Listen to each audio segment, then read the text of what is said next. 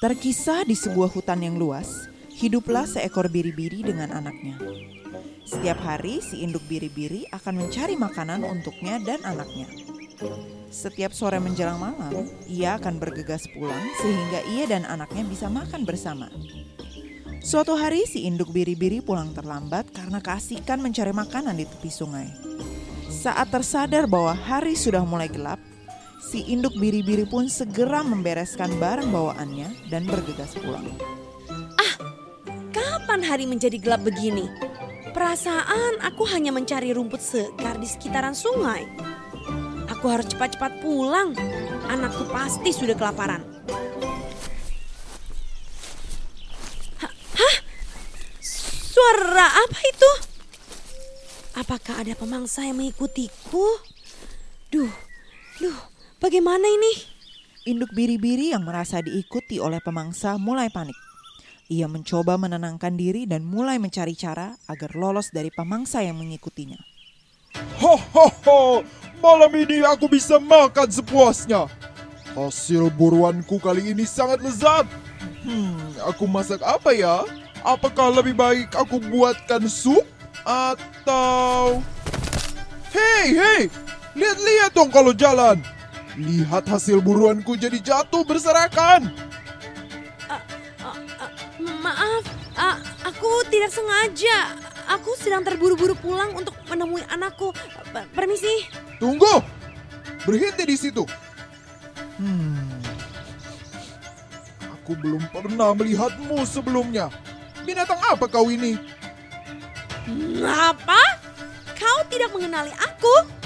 Aku ini adalah induk biri-biri. Walaupun dia sendiri merasa takut, induk biri-biri merasa senang karena berhasil membuat macan tutul takut dan berlari meninggalkannya. Induk biri-biri tidak pernah menyangka idenya untuk membesarkan suaranya bisa membuat macan tutul ketakutan. Ia pun melanjutkan perjalanannya menuju rumahnya. Sementara itu, si macan tutul Bagaimana hasil bu? Ah, s- sahabatku, ada apa ini? Kenapa kau sampai gemetaran seperti ini? Tuh, tuh, tuh. Tadi saat hendak pulang, aku bertemu dengan binatang yang sangat menakutkan. Binatang yang sangat menakutkan. Apakah dia tinggi besar dan lebih kuat dari kau sahabatku? Ah, aku tidak tahu. Pokoknya dia bilang, dia, dia adalah induk biri-biri. Namanya saja sudah membuat bulu kuduku merinding. Induk biri-biri. Serigala tertawa sejadi-jadinya saat mendengar penjelasan sahabatnya si macan tutul. Serigala tahu benar kalau biri-biri bukanlah binatang buas. Aduh, perutku sampai sakit karena tertawa. Lihat, air mataku sampai menetes karena kebanyakan tertawa. Kenapa kau malah tertawa? Aku bercerita tentang binatang yang mengerikan. Apa yang lucu dari ceritaku? Macan sahabatku yang baik. Biri-biri itu bukanlah binatang yang menyeramkan, malah kebalikannya. Mereka adalah binatang yang lembut, bahkan dagingnya saja empuk dan lezat. Apa? Dagingnya lezat? Ah, aku tidak percaya. Kau pasti sedang bercanda. Biri-biri sangat berbahaya, sahabatku. ah, baiklah, baiklah. Kalau kau tidak percaya, ayo kita pergi membuktikannya. Serigala pun mengajak macan tutul menuju rumah biri-biri. Ia ingin membuktikan ucapannya bahwa biri-biri bukanlah binatang yang menyeramkan. Induk biri-biri yang menyadari kehadiran dua binatang buas di sekitar rumahnya mulai mencari akal untuk mengusir keduanya. Melihat ibunya yang tampak gelisah, anak biri-biri menangis ketakutan. Aha, tapi sang induk biri-biri mendapat ide.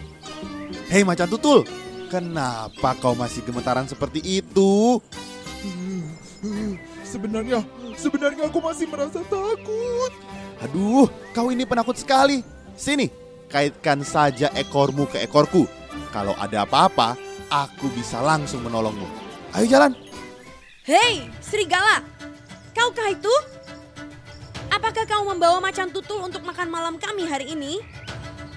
Apakah kau mendengar suara tangisan anakku ini? Ia sudah sangat kelaparan dan mau segera makan daging macan tutul.